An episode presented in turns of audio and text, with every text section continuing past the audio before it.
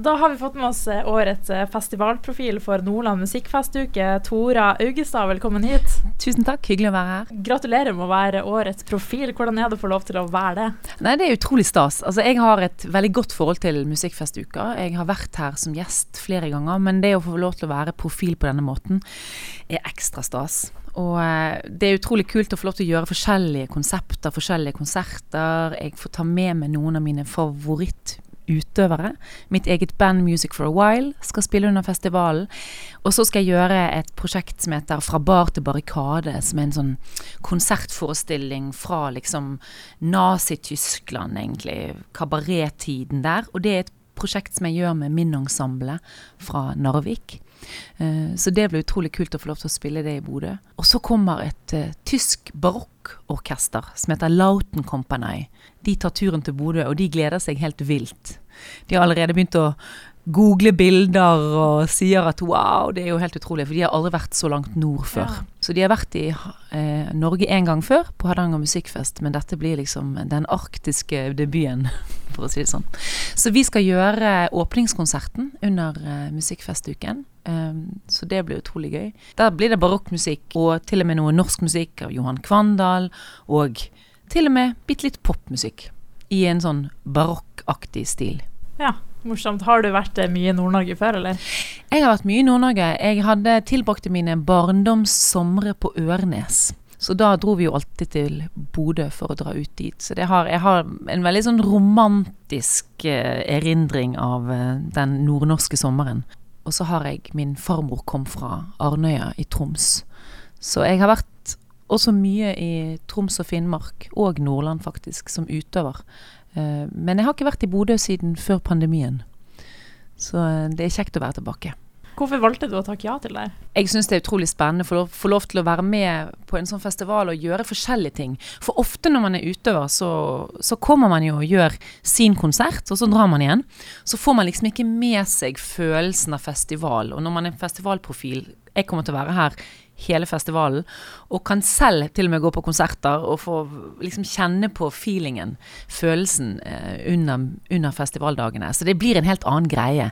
Eh, så jeg syns det var utrolig stas å få lov til å, lov til å være profil. Det er, jo, det er, jo, et ærefullt oppdrag, må man virkelig si. Så, eh, så jeg gleder meg til det. Altså, det er jo masse som skjer, som du nevnte. Men har du på en måte en ting du gleder deg mest til av alt som skjer?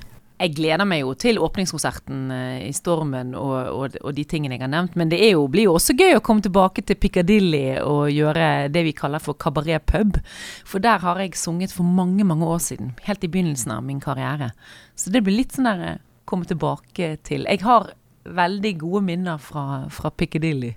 Det er litt sånn episk sted, føler jeg i Norge, faktisk. Og jeg ser jo Du har gjort eh, litt av hvert og mye forskjellig, men eh, hvor trives du best da, sånn eh, sjangermessig? Det er et veldig godt spørsmål. Jeg gjør jo veldig mye som er liksom i grenselandet mellom klassisk musikk, kabaretmusikk, så gjør jeg en del moderne musikk.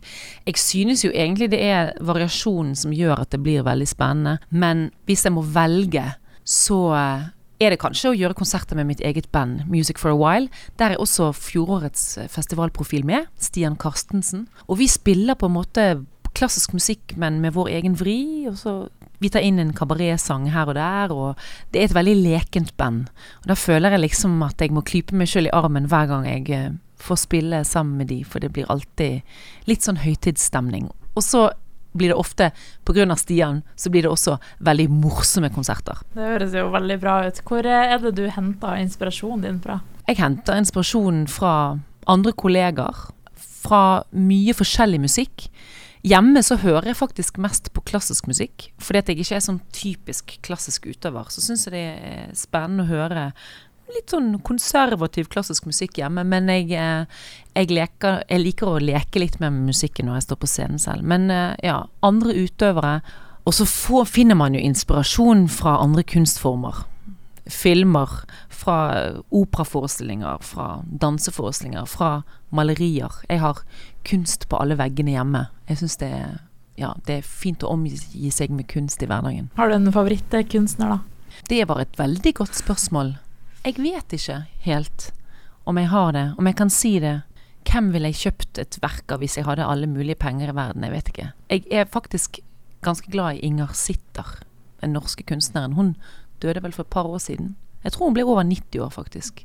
Men jeg har ett trykk av hun hjemme. Men hun syns jeg er en veldig kul norsk kunstner. Og helt til slutt, da. Hvorfor skal folk komme på Nordland musikkfestuke, da? De må komme, for dette er et utrolig stort spenn i, i konsertene. En ting som jeg gleder meg ekstra mye til, er å få lov til å synge med Arktisk Filharmoni.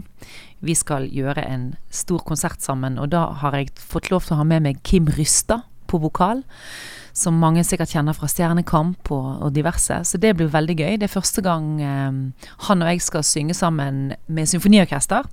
Vi har gjort noen mindre konserter før, men det blir et veldig hyggelig gjensyn med han. Så det gleder jeg meg ekstra mye til.